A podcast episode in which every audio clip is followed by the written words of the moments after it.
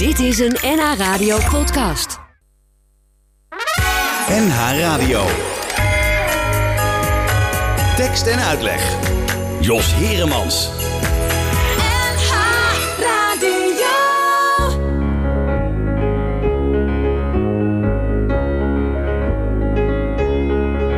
De jaren zestig en de dingen die je deed. En die je later ging omdat ze niet meer hoorden. De zwarte kousen net zoals de witte boorden. Want de liefde en de vrijheid ging in spijkerpak gekleed. In de tijd dat Gerard Reven nog zijn ezeltje bereed. En dat John zijn Vietnamezen liet vermoorden. En er waren zoveel mooie nieuwe woorden. Mescaline, meditatie, happening en demonstratie. Rode bloemen van de natie waren wij. De jaren zestig, de idealen kwamen vrij.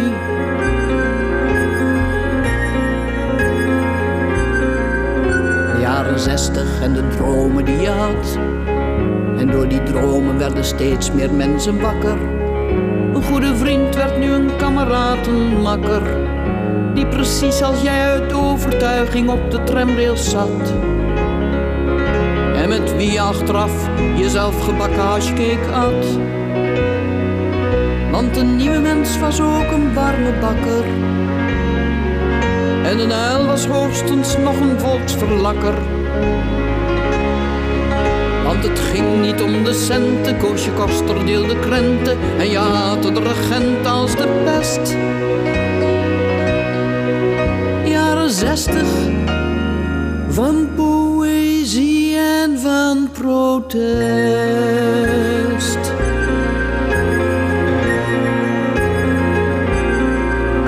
Jaren zestig en de toekomst die je zag en die hoorde in de stem van nieuwe leiders. Met Roel van Duin en Rudy Dutschka als bevrijders. Van consumptie en conventie en confessioneel gezag. Je leerde te begrijpen waar het allemaal aan lag. In roes van allerlei pupilverwijders. Met de makkelijke kijk van motorrijders. En Bob die verwoordde wat met je gevoelens spoorde bij een lange haren hoorde en je huid. Jaren zestig, van geluid.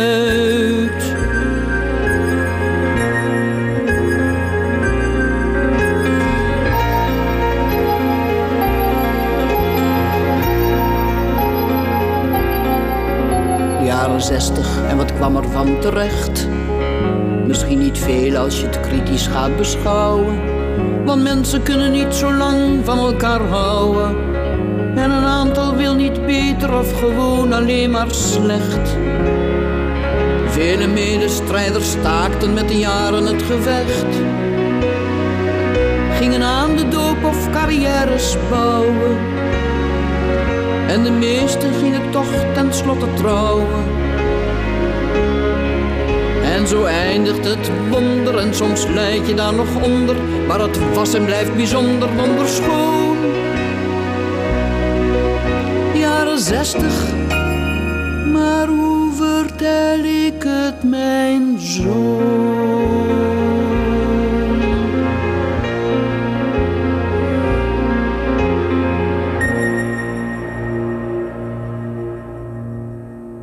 Ja, dat waren de jaren 60, eh, dames en heren. In deze tekst en uitleg op deze speciale Smartlappen zaterdag. Twee uur lang geen smartlappen, maar eh, smart en uitleg. En dat doen we met eh, Jan Boerstoel, eh, de schrijver van dit prachtige nummer, de jaren 60. Jan Boerstoel, tekstschrijver van vele nummers die als je ze hoort direct herkent. Maar waarvan je nooit geweten hebt misschien wel dat hij ze geschreven heeft. Ik noem er maar een paar. opa's honderdste verjaardag, De Grote Oorlog. Nummers als Amsterdam Frans Parfum. Nou, ga zo maar door. Die komen allemaal te sprake in de komende twee uur. Eh, want eh, Jan Boerstel staat eh, helemaal in de schijnwerpers deze komende twee uur. Hij zit 50 jaar in het vak. is net 75 jaar geworden. Klopt, Maar nog zo fris als een hondje, Jan Boerstel. soms. Soms. en wanneer is dat dan? nou, meestal. Meestal toch wel. Ja, in goede gezondheid toch wel, hoop ik. hè? Ja, ja, ja. Valt mee. Het valt mee, gelukkig. Eh, ja, Jan, we hadden het er net al eventjes over. eh, de jaren 60, Adele Bloemendaal. Ehm, ja, dat waren nog eens tijden, toch? Ja, ik eh, schreef al een tijdje voor Adele. eh, althans, had al een aantal eh, stukken voor mij gebruikt. En op een gegeven moment kwam ze bij mij de trap oplopen. Dat, en toen had ze wat blaadjes in haar hand. Met grote rode viltstift had ze er allemaal kreten opgeschreven. De bom, het witte kippenplan, Provo en Oh. dat soort dingen. En ze zei van ja, wil jij niet een stuk voor mij schrijven over de jaren 60? Ja. Nou, dat vond ik op zichzelf een goed idee. En wanneer dat, was dat? Dat was in 85. Was dat. 85, oké. En eh, ik geloof dat we daarna toen eh, samen zijn gaan eten. Dat, eh, maar in elk geval, ik heb in een boek had ik nog aantekeningen gemaakt. Het was ergens in, in maart, geloof ik, dat ze kwam, begin maart of februari misschien wel.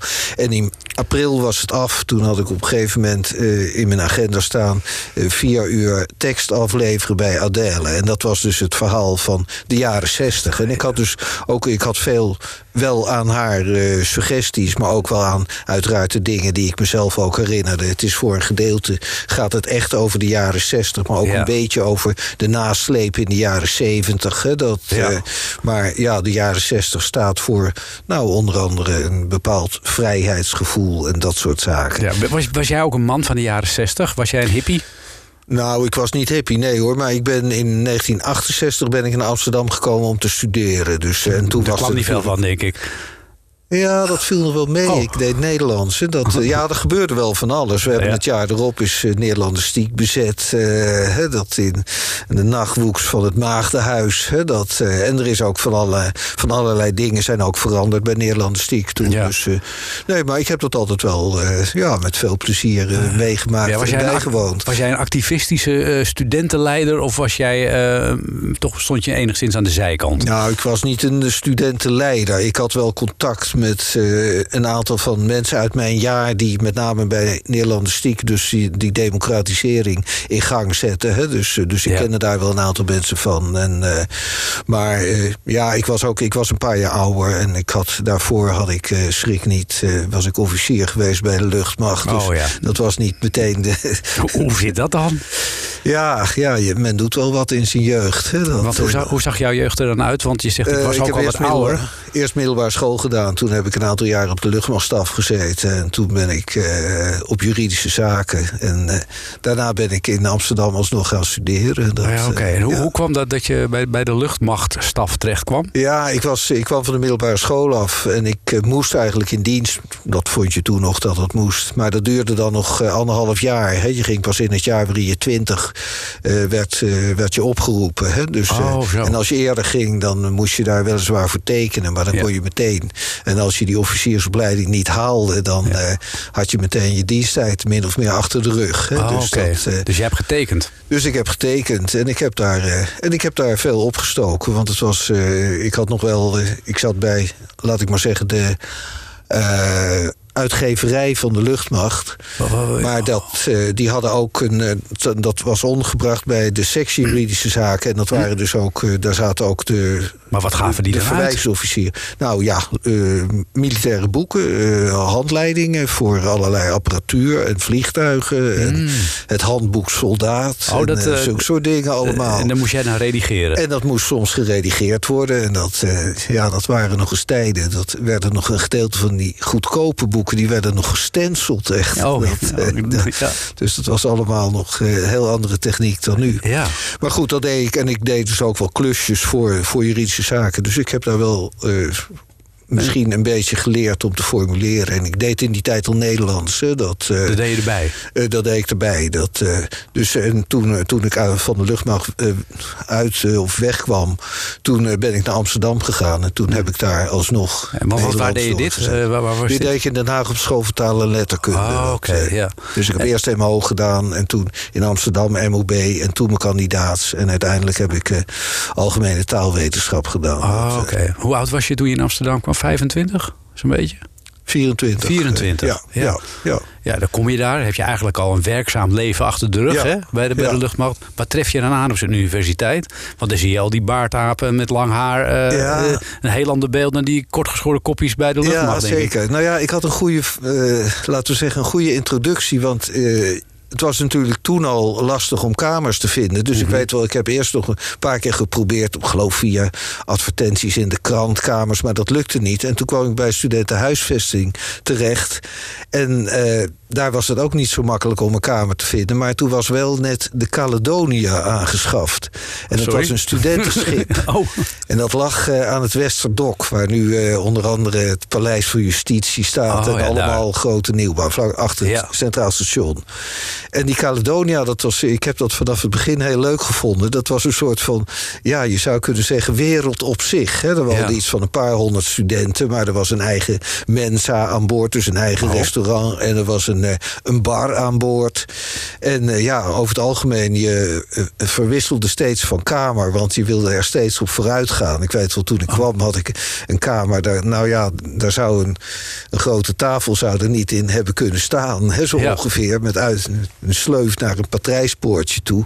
Maar al snel weer een wat grotere kamer. En dan, nou ja, dan pakte je weer je spullen en dan kreeg je een weer grotere. Dat Ah, was heel leuk. En omdat het, het was een soort van eigen gemeenschap. Hè? Ook Ja. door die mensen, maar ook er werden feesten georganiseerd. Nou, die Oh. bar natuurlijk eh, werkte ook eh, heel goed voor de Ja. onderlinge samenhang. En, eh, dus ik heb daar eigenlijk maar negen maanden gewoond. Maar Oh. dat had wel tot gevolg dat ik in Amsterdam al heel snel dus heel veel mensen kende. Dus Ja. ik heb me vanaf het begin eigenlijk nauwelijks last gehad met aanpassing of wat dan ook. Dat ging, Ik, liet, je, liet je haar ook groeien?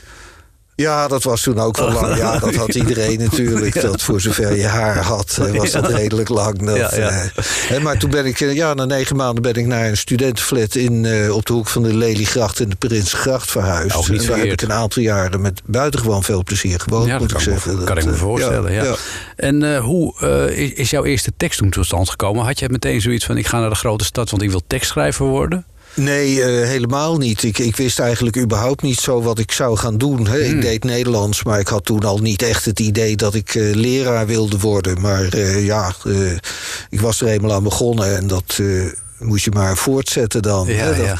Maar je ik hebt ook echt met- voor de klas gestaan. Ja, later. Later, ja. Maar oh, toen, was ik al, eh, toen had ik in elk geval mijn MOB al. Dat, Oh, eh, ja. Ja.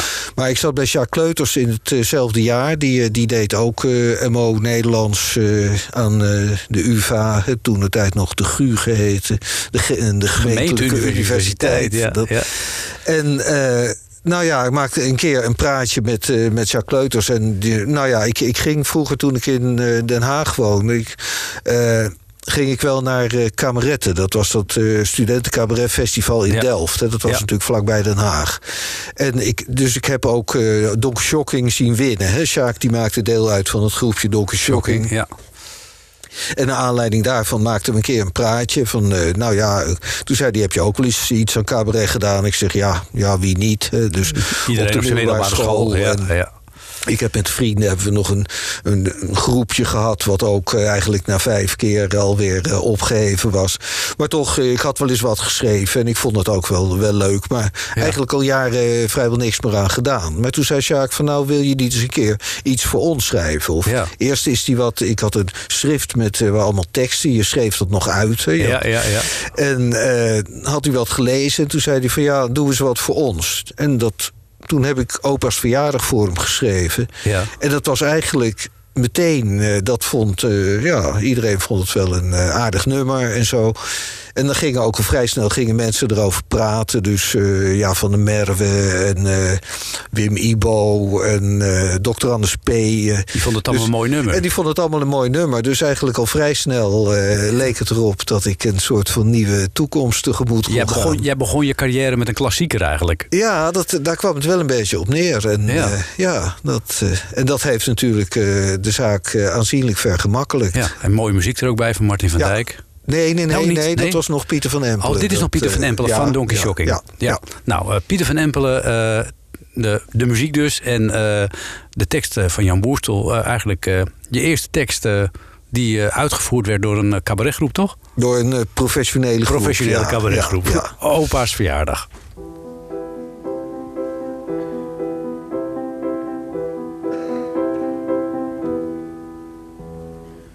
Morgen van zijn honderdste verjaardag kreeg opa een beschuit bij zijn ontbijt.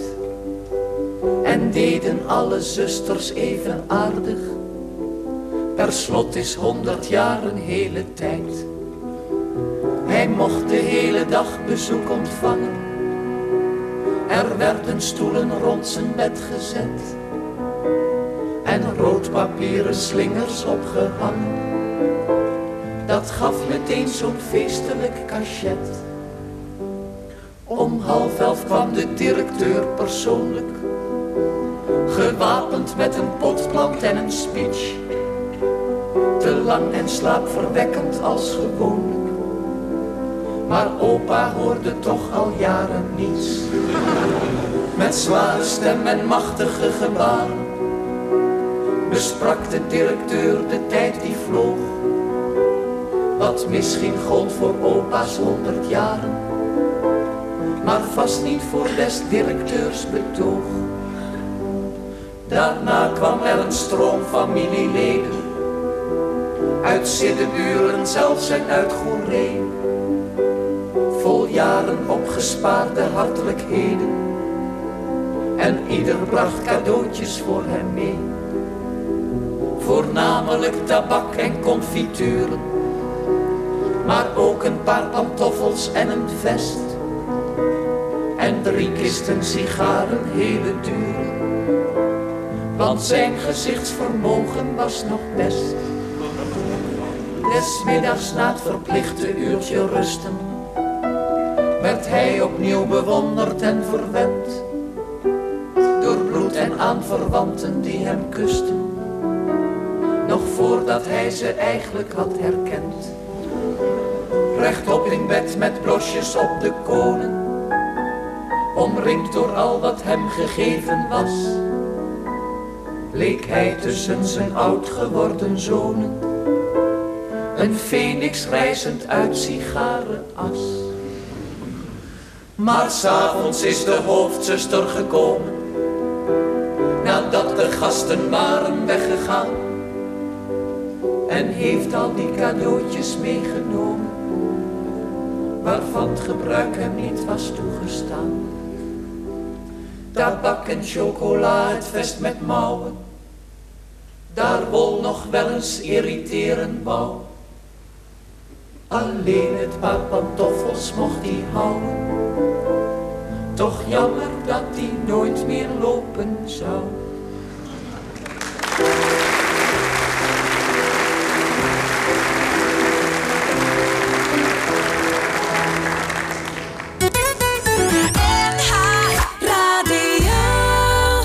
Opa's eh, verjaardag van eh, Jan Boerstel, gezongen door eh, Donkey Shocking.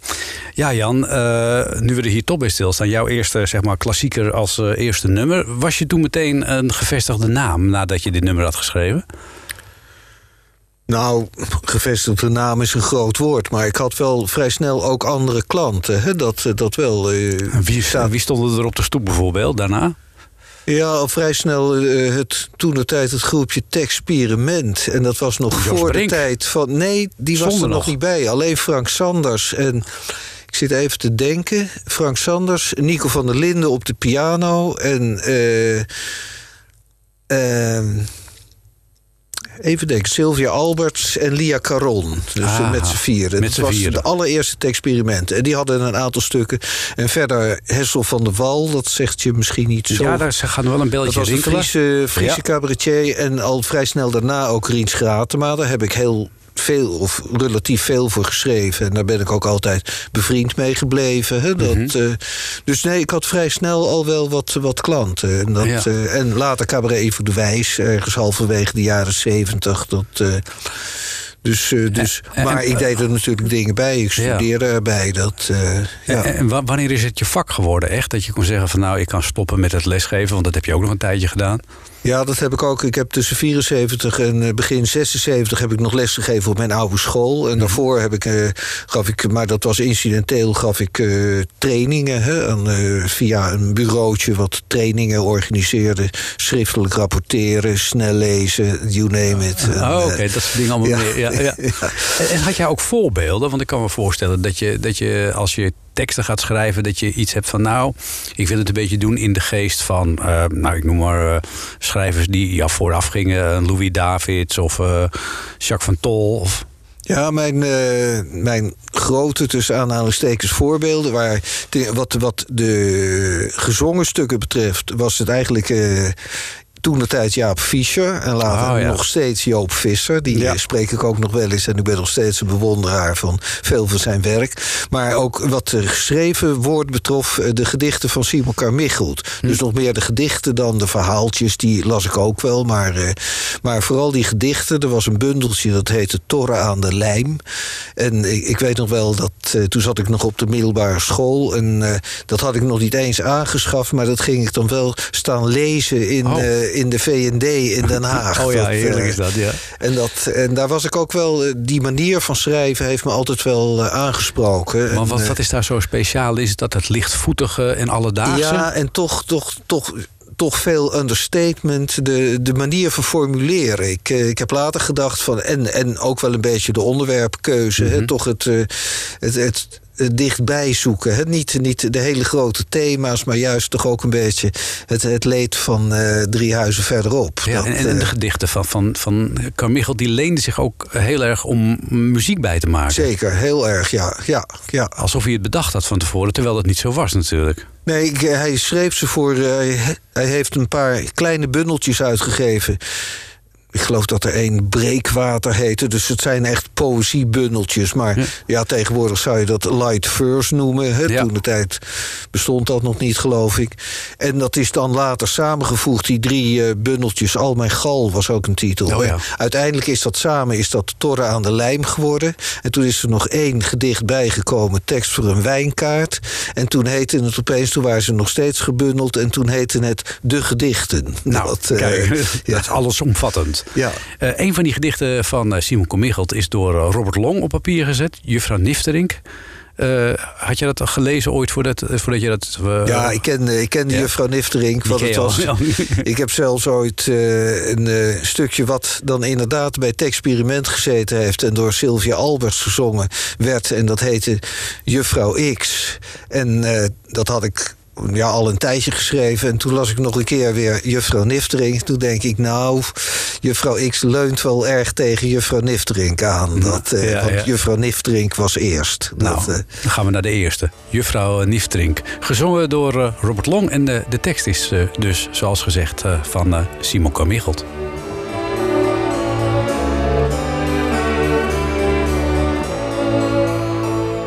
Vannacht juffrouw Nifterink gestorven. Het was het hart, haar hond zit voor de ramen. Stomme dier, ze waren altijd samen.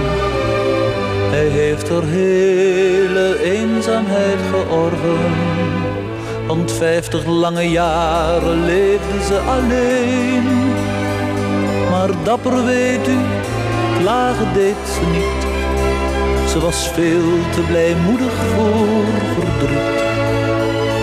En eer ze eraan toe kwam, ging ze heen. Ja, ra, ra, ja, da. Ja, ra, ra, ja, da.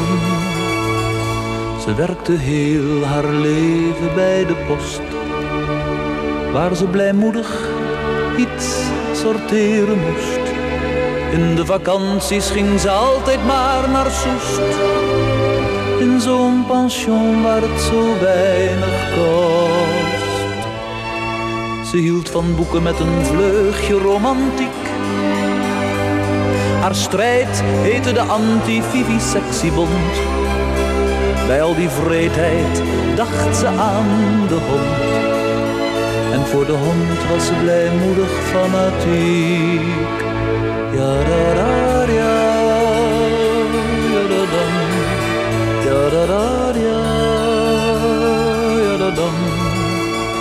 Met ons oranje huis leefde ze innig mee.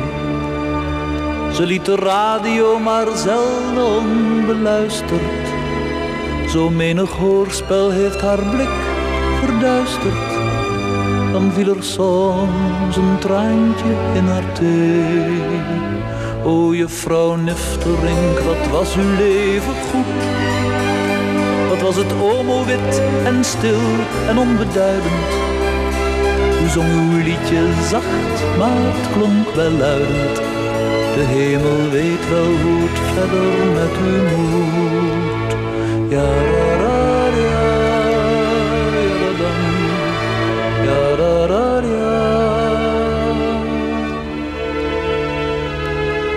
Fascinerend dat u nu een engel bent.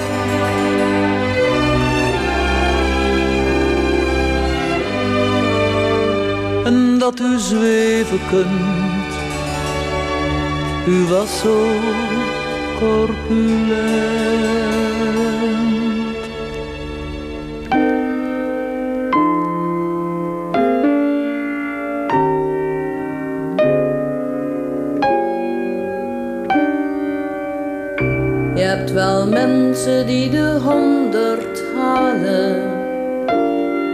Minder nog die daar ook blij mee zijn. Maar meestal is het eerder afgelopen. En valt er verder weinig meer te hopen. Dan dat het snel zal gaan en zonder pijn.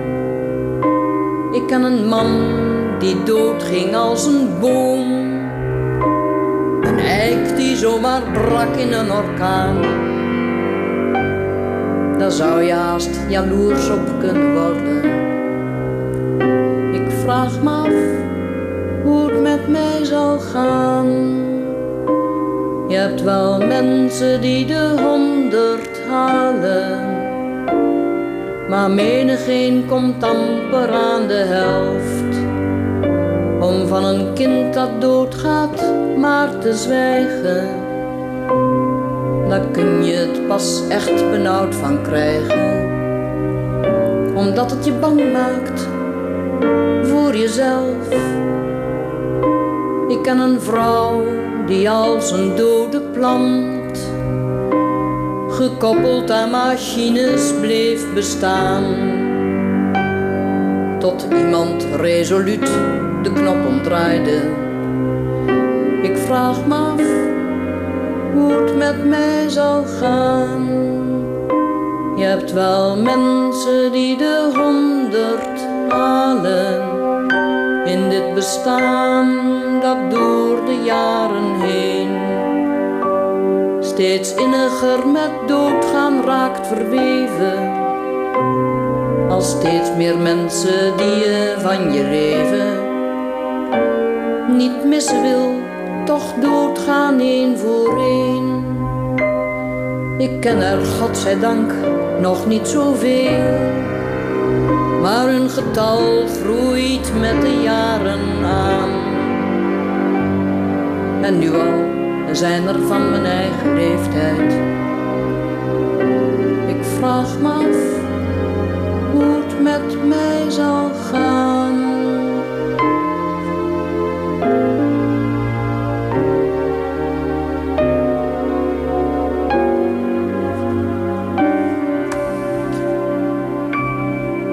Ja, inmiddels weten we dat, hoe dat is gegaan eh, met Adele Bloemendaal, eh, Jan Boerstel. Hier te gast eh, om over jouw roemruchte en lange carrière van 50 jaar tekstschrijver te praten. En laten we even ook niet vergeten te vermelden dat er net een boek voor je uit is. Tussentijd. Met ja, eigenlijk bijna al jouw teksten staan daarin, denk ik, qua, qua liederen. Ja, het, het is een eh, selectie hoor. Dat, eh, nee, anders zou het een beetje weinig zijn. Anders wordt het een Eh, in bijbel. 50 jaar. Nou, ik vind 100 het wel veel, hoor. dat, eh, ja, ik vind zelf ook wel veel. Maar er is nog meer. Maar het, het is wel, ik heb geprobeerd om een beetje een eh, representatief overzicht te geven hè, van wat ik gedaan heb. Maar ook, er staan ook wat vertalingen in. Die komen misschien straks ook nog aan de orde. Zeker. Maar eh, eh, het, is, het is een beetje een, ja, verschillende uitvoerenden. En eh, nou ja, op die manier Ja. proberen om die 50 jaar een beetje te overbruggen. Nou, is goed gelukt, toch? Ik mag het hopen. Ja, Dat, eh, Jasperina, of eh, Adele Bloemendaal is toch een van jou... eh, ja, een, van de artiesten die veel werk van jou heeft gezongen. Net als eh Jasperina de Jong, Ja. Jenny Arian. Ja. Ehm, hoe, hoe was jouw samenwerking met Adele? Ja, op zichzelf heel goed. Eh, Adele was iemand die eh, heel erg gespitst was op tekst. Hè? Die, eh, die ook niet schroomde om ook dingen die door andere, door collega's van haar al gezongen waren, om daar weer andere muziek op te laten maken. En ze dan zelf ook op haar repertoire te nemen. Hè? Dat is in Nederland niet zo heel gebruikelijk. Hè? Dat, Nee, dat je niet- zeker niet om, om dan ook nog een andere componist te zoeken. En hè? hoe, vond jij dat zelf? Als, als er ja, ik vond tekst... dat wel prettig natuurlijk. Oh, wel? Ik vind het altijd prettig op het moment dat, eh, dat er weer belangstelling voor een tekst is. Mhm. Eh, kijk, ik kan me voorstellen, het wisselde ook een beetje hoor. Sommige componisten waren er niet zo blij mee. En bij anderen gold dat wat minder ook. Zeker aan het begin schreef ik nog wel eens dingen voor groepen. Ja. En dan werd het vaak meer stemmen gezongen. Dat kan heel goed Ja. in zo'n groepje. Maar als, eh, als het dan een solo-nummer werd, dan was het een beetje saai soms op diezelfde muziek. Dus dan werd er een, Andere eh, muziek werd er een andere melodie opgemaakt. Ah, en, ja. en dat paste dan beter bij een solo-programma. Ja. Ja, als als je zo zou moeten zeggen, de beste combinatie tussen tekst en muziek, welk nummer van jou is dat dan geweest? Nou, er zijn er een aantal. Ik vind, eh, ja, eh, Martin van Dijk, eh, de jaren zestig, eh, iemand moeten doen, vind ik nog steeds een hele geslaagde. Ook dat, dat componisten je soms verrassen. Hè? Dat Banning te Lek vind ik een heel mooi nummer. Dat, maar ook een- Opers Verjaardag op zich vond ik dat mooie muziek van Pieter van Empelen. Hè? Dat, Ja. ja. dus is... Kun je er nog wat aan doen dan? Als zo'n componist eenmaal zo'n lied heeft, ja, zeg maar, heeft overgenomen van jou. En je denkt van, nou, ik weet niet of ik dit wel zo goed vind. Kun je dan nog zeggen van, doe maar niet?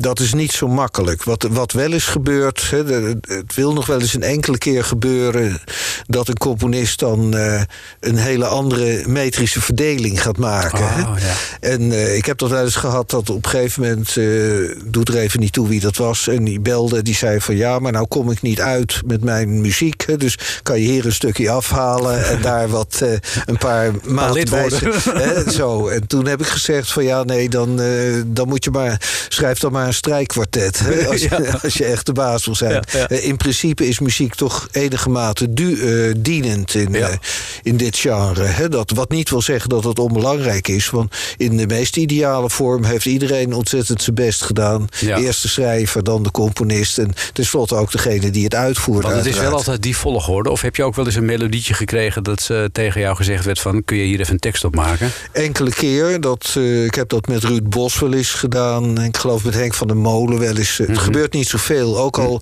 als componisten voor zichzelf muziek schrijven... dan hebben ze meestal de neiging om hele korte muzikale regeltjes te maken. Mhm. Dus als eh, schrijver moet je dan ontzettend indikken... om er nog een enigszins zinnige mededeling Ja. in geperst te krijgen. En heb je zelf eh, ook wel eens in je hoofd dat je denkt van dat je het deuntje eigenlijk al in je hoofd hebt. En dat je dan tegen de componist zegt, ik dacht aan zoiets.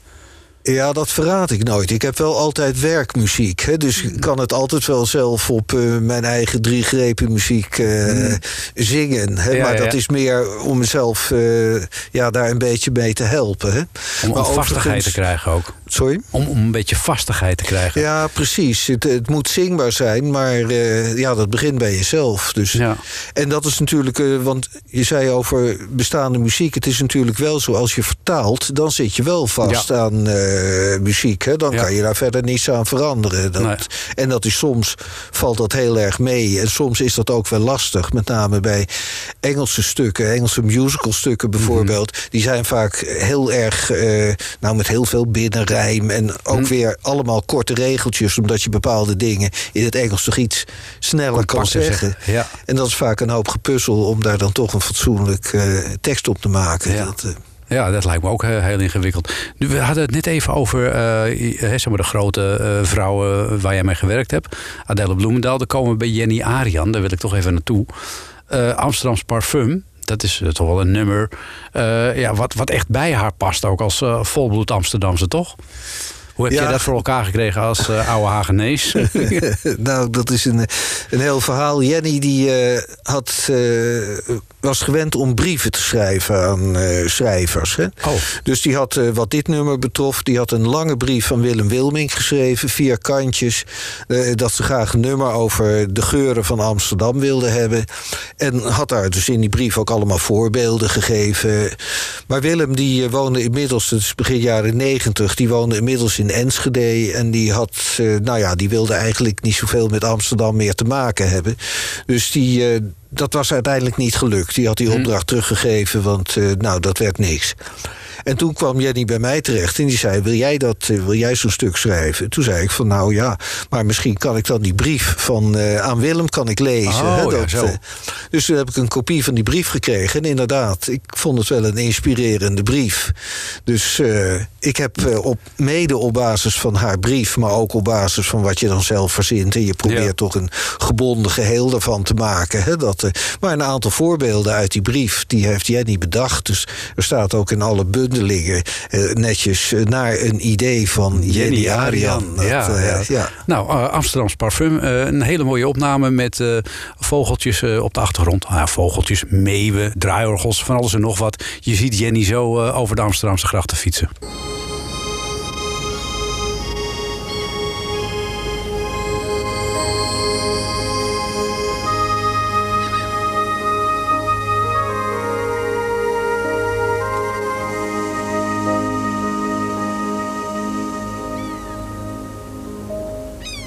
Ik leef op Amsterdamse lucht vanaf mijn vroegste kindertijd.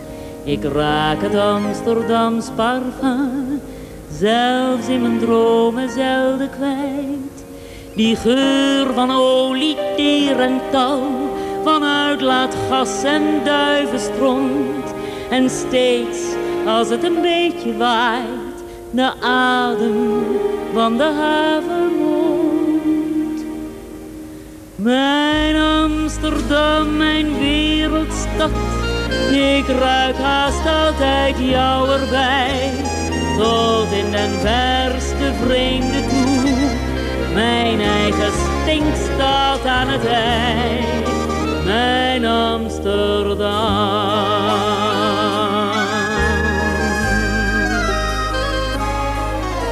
Zo'n avond in de late herfst, als ik gelukkig en alleen een rondje langs de grachten maak en niets dan nevel om me heen. Terwijl op ieder woonschip weer een kromme schoorsteen dapper rookt, dan krijgt de mist de scherpe geur van kacheltjes op hout gestookt. Mijn Amsterdam, mijn warme jas, ook als de winterkou me bijt en alle nachten donker zijn, dan walm je van geborgenheid, mijn Amsterdam.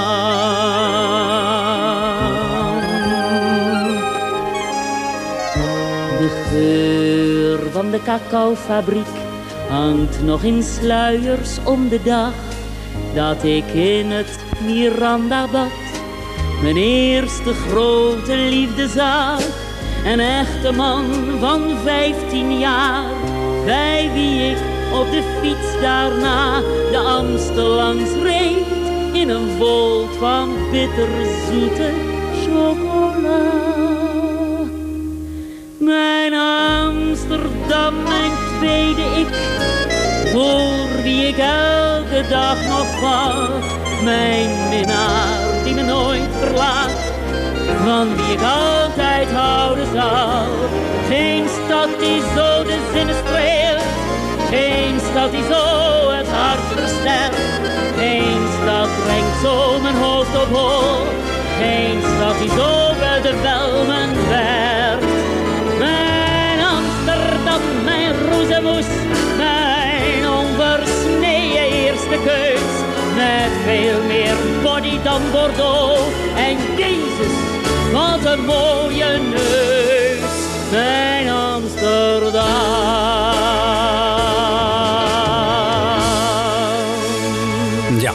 Amsterdam, zoals het alleen maar bezongen kan worden door eh, Jenny Arian, het Amsterdamse eh, parfum.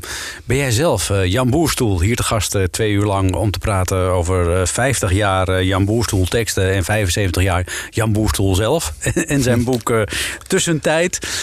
Ben jij zelf echt Amsterdammer geworden in, die, in de tussentijd, om het zo maar te zeggen? Ja, ik denk geleidelijk aan word je dat wel. Dat, ik heb nog wel iets met Den Haag in de zin van...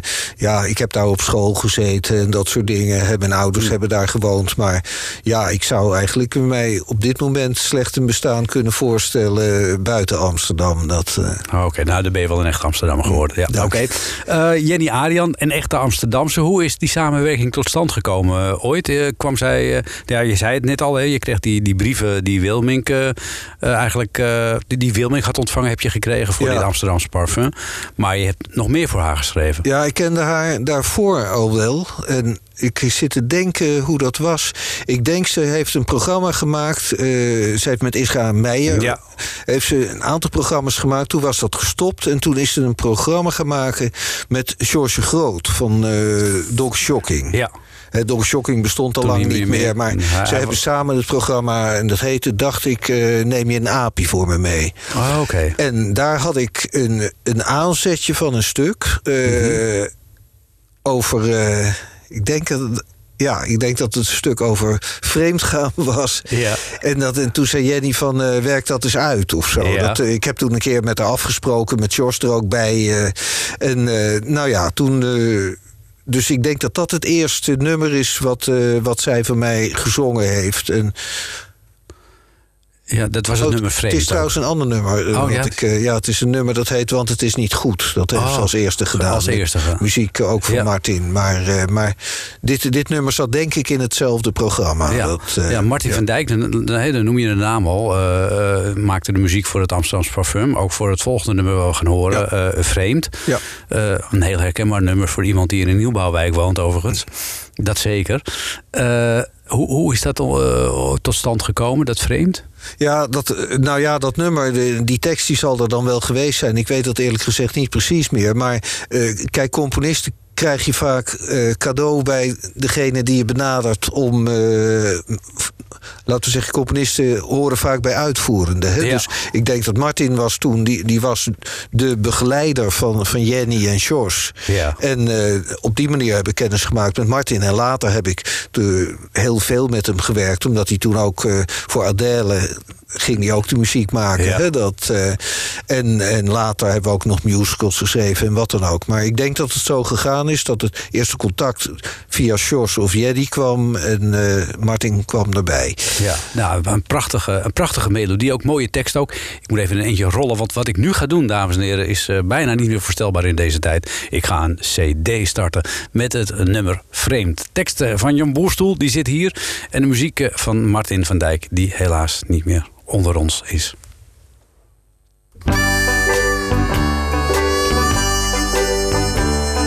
Ze woonde in zo'n nieuwbouwwijk, de rondweg heette Groentela. Eerst kreeg je snijboon, daarna sla. Ten slotte kwam radijsje.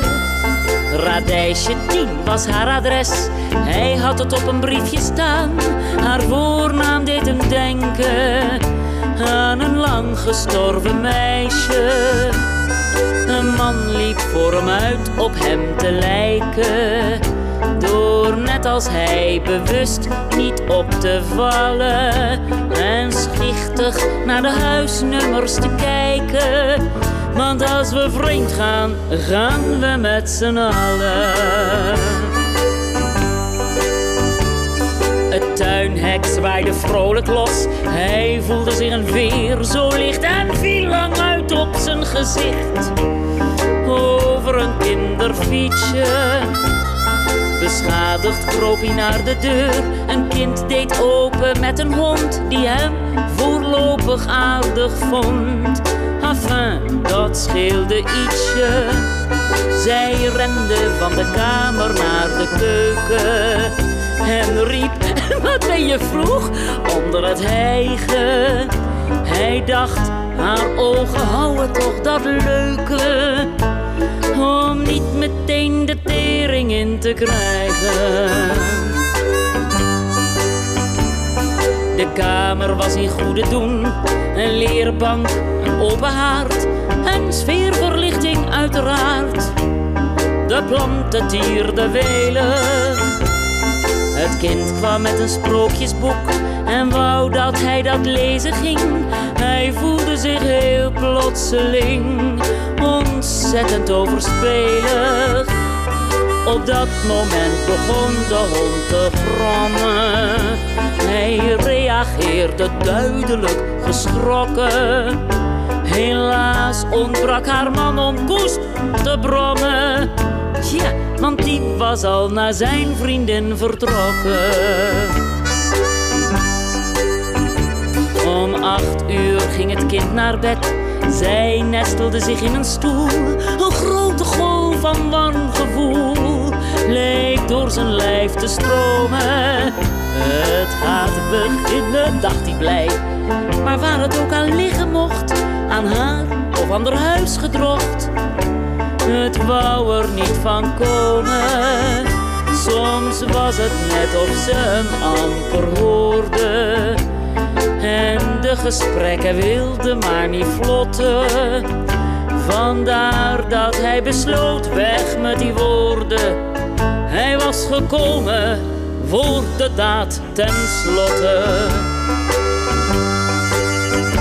Toen hij haar in zijn armen nam, riep zij het toen nou en meteen beet hem die rothond in zijn been.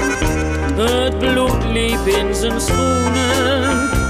Zo werd zijn laatste vuur gedoofd, ondanks gestotter van haar kant en vele meters snel verband.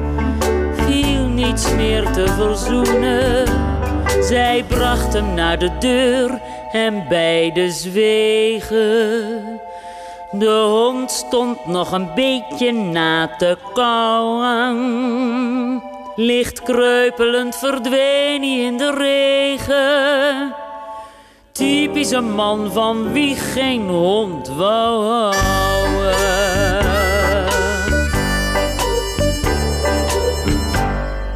Nou, een treurig relaas, eh, Jan Woerstel. Ja, maar- Ja, vreemd gaan in een nieuwbouwwijk. Ja, je moet het ook niet willen, hè? Nee, dat Maar- eh, lijkt mij ook. Dit is ook een waarschuwing. Ja, Dat- maar je hebt het wel bedacht. ja, ik moest er ook eh, eerlijk gezegd zelf wel een beetje om lachen. Ook omdat Jetty het echt heel, heel goed doet. Dat, Ja, ze, ja. ja. ze, ze, ze- het, is niet alleen zingen, het is echt performen dit. Ja, exact. Ja. Ja, ja. ja ik zie het, je, je ziet het ook voor je. En dan zo'n kuierend melodietje ja, erbij. Ja. Eh, niet echt een he- heel bekend nummer, maar ja, dat heb je natuurlijk eh, niet altijd Ja. voor het zeggen. Hè? Je weet niet waar het soms aan ligt dat, eh, dat sommige nummers. Het enige, ja, het is vrij lang, zeker voor de huidige maatstaven. hè. Het is kleine vier minuten, geloof ik. Maar, Maar, maar het, is, dat- het is een mooi verhaal. het is een mooi verhaal, ja. Ik hou wel van verhaaltjes vertellen soms. In een lied, ja. Dat is best moeilijk, toch? Want ja, je- er moet Ja. een kop en een staart aan zitten. Het moet ergens Ja, heen gaan. Exact, eh, dus ja, dat, dat, dat moet allemaal. En je moet het toch eh, proberen zo netjes mogelijk en zo eh, pittig mogelijk op te schrijven. Hè? Dus er zitten ook wel wat tekstgrapjes in. Dat, dat, dat probeer ik altijd wel. Ja. Heb jij in die 50 jaar dat je nu aan het schrijven bent... je stijl heel erg moeten veranderen? Of ben je ehm, trouw gebleven aan je vaste principes... die je vanaf het begin af aan hanteerde? Ja, en ook weer Nee. en nee. Vertel eens waar de ja Eh, zit. Die principes zijn denk ik wel gebleven. Eh, ja, wat ik met een onderwerp doe. Ik vind wel dat ik gevarieerder ben gaan schrijven in de loop van de jaren. Hè. Dus toch meer ook eh, stukken ben gaan schrijven die ook voor componisten interessanter waren. Hè. Aan het begin schreef ik eh, ja, een beetje balladeachtige stukken, eh, acht regels, vrij saai hè, van die blokken. Ja. En later ben ik veel meer met een refrein en een brug ertussen. En ik heb daar, wat dat betreft, heb ik wel aardig wat van, van Henk van der Molen. Ooit, ik heb in de jaren vanaf ja, de jaren tachtig heb ik samen met Henk van der Molen en Martine Bijl... hebben we die theaterprogramma's voor Martine grotendeels met z'n drieën samengesteld. En eh, Martine heeft ook vrij veel voor mij gezongen toen. En met name van Henk heb ik eh, toch wel het een en ander geleerd... wat betreft eh, de Ja. muzikale kant van tekstschrijven. Ja. Dat, Ik kan wel even kijken of ik nog een nummer van Martine Bijl kan vinden. Ondertussen in de vele cd's die jij hebt meegenomen met, met ja, originele opnames. Dan moet ik even deze kant op. Dan moet jij even de tijd volpraten, Jan. Moet je even zeggen welk nummer dat gaat worden. Eh, het gaat hier denk ik om het nummer eh, Through the Eyes of Grace. Dat is overigens een eh, vertaling van een nummer van Melissa Manchester. En dat. en ik heb dat zelf altijd ja, een mooi, mooi stuk gevonden. Martine had wel vaker dat ze ook Amerikaanse nummers gebruikte. eh, ze heeft ooit ook nummers van Merle Haggard en zo, Whiskey and Gin. ah, oké. En Dat is een heel. Eh, Klopt het dat, het, dat de Nederlandse titel dan is zeggen dat het elke vrouw gebeuren kan? Nee, eh, eh, de Nederlandse titel is Johnny. Johnny. Het staat helemaal Oh, ja. onderaan. Helemaal het is onderaan. het allerlaatste Ja, nummer. je zult wel denken, we zitten die twee oude mannen nou te keuvelen. Nou, het gaat over cd's en daar hebben wij de leeftijd voor. Die hebben, Ja. wij, wij zijn van de generatie die cd heeft zien komen en zien gaan. Precies. Ja. Ik, ik heb in mijn jeugd nog 78 toerenplaten gekocht. Dus dat. eh, dus het was al een hele vooruitgang dat daar eh 45 toerenplaatjes voor in de plaats kwamen. Dat, Ik, ik denk dat ik hem gevonden heb, Jan. Dan ga ik hem nu even aanzetten. Martine Bijl, komt ze aan. Even kijken, dan moet ik dit aanzetten en dan nu op de knop drukken. Dit is hem, hè? ja. Gaan we er naar luisteren.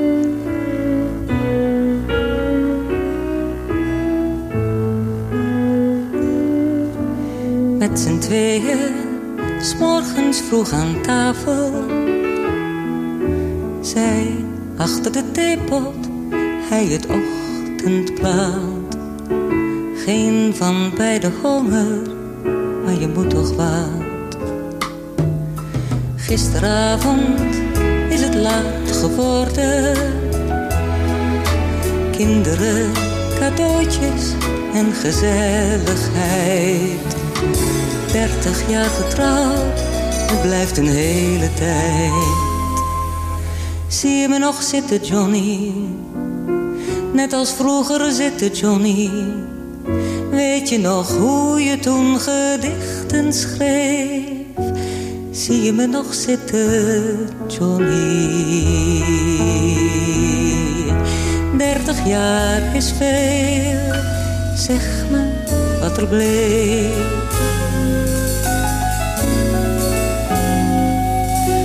S'avonds in het donker ligt ze naast hem. Wil nog wat vertellen, maar ze laat het maar. Want hij droomt al lang zijn dromen zonder haar. Pas wanneer het maanlicht langs het bed strijkt, haar een nieuwe kijk geeft op het spiegelglas lijkt ze weer dat meisje dat ze vroeger was. Zie je me nog zitten, Johnny? Net als vroeger zitten, Johnny. Weet je nog hoe je toen gedichten schreef? Zie je me nog zitten, Johnny? Dertig jaar is veel, zeg me wat er bleef.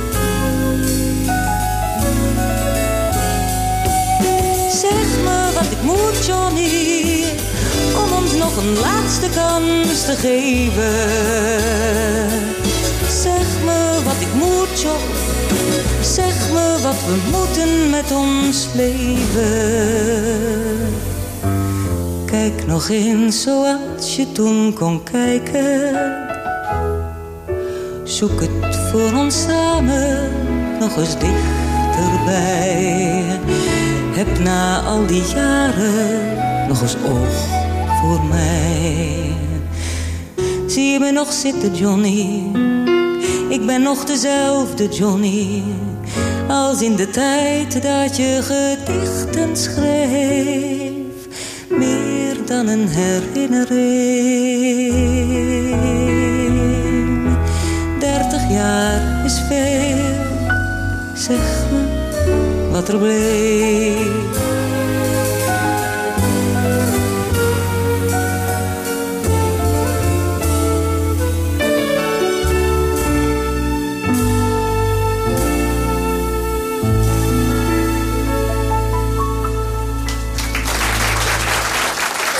Applaus voor eh, Martine Bijl. Johnny, eh, tekst eh, van Jan Boerstoel vertaald uit het Engels. En eh, onmiskenbaar natuurlijk eh, op piano Cor Bakker. Dat hoorde je direct, echt waar. ja, het is echt Jan.